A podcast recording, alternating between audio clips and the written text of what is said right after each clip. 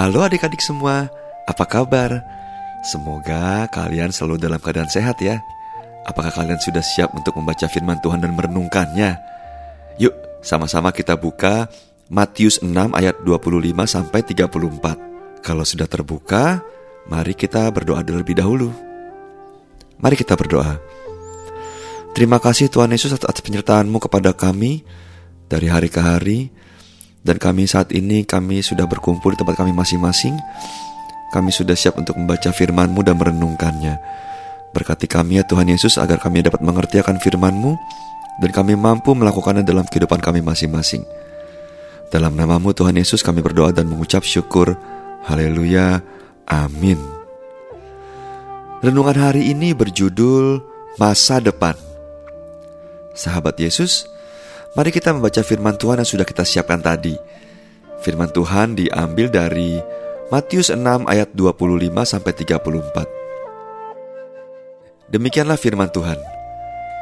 Karena itu aku berkata kepadamu, janganlah khawatir akan hidupmu, akan apa yang hendak kamu makan atau minum, dan janganlah khawatir pula akan tubuhmu, akan apa yang hendak kamu pakai Bukankah hidup itu lebih penting daripada makanan dan tubuh itu lebih penting daripada pakaian?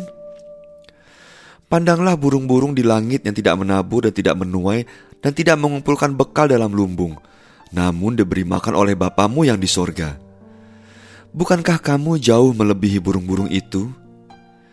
Siapakah di antara kamu yang karena kekhawatirannya dapat menambahkan sehasta saja pada jalan hidupnya? Dan mengapa kamu khawatir akan pakaian? Perhatikanlah bunga bakung di ladang yang tumbuh tanpa bekerja dan tanpa memintal. Namun aku berkata kepadamu, Salomo dalam segala kemegahannya pun tidak berpakaian seindah salah satu dari bunga itu.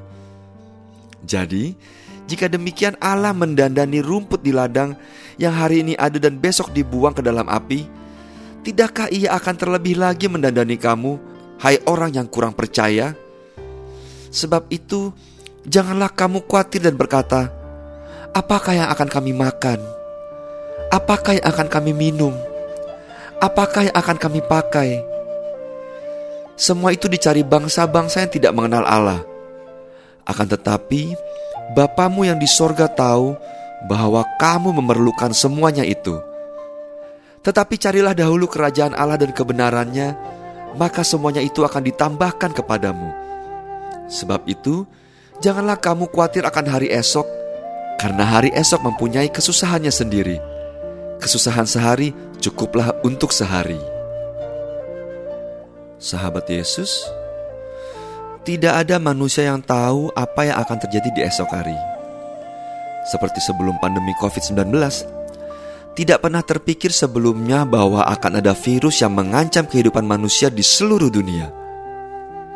Namun, bukan berarti kita menjadi ketakutan karena masa depan yang belum kita ketahui.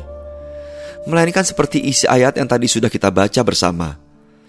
Tuhanlah yang akan menguatkan dan menghibur kita ketika merasa khawatir akan masa depan. Meskipun kesulitan dan berbagai masalah datang silih berganti, penyertaan Tuhan takkan berlalu.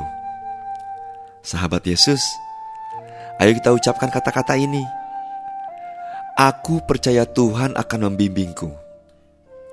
Sekali lagi, aku percaya Tuhan akan membimbingku. Mari kita berdoa. Bapa di surga, terima kasih atas pernyataan Tuhan dalam kehidupan kami. Tolonglah kami Tuhan untuk tidak merasa khawatir. Dalam nama Tuhan Yesus kami berdoa. Amin. Nah adik-adik, Demikianlah pembacaan firman Tuhan dan renungan kita hari ini. Adik-adik jangan khawatir lagi ya, karena Tuhan selalu menolong kita dan selalu ada untuk kita. Semangat selalu, tetap sehat, sampai ketemu lagi dan Tuhan Yesus memberkati.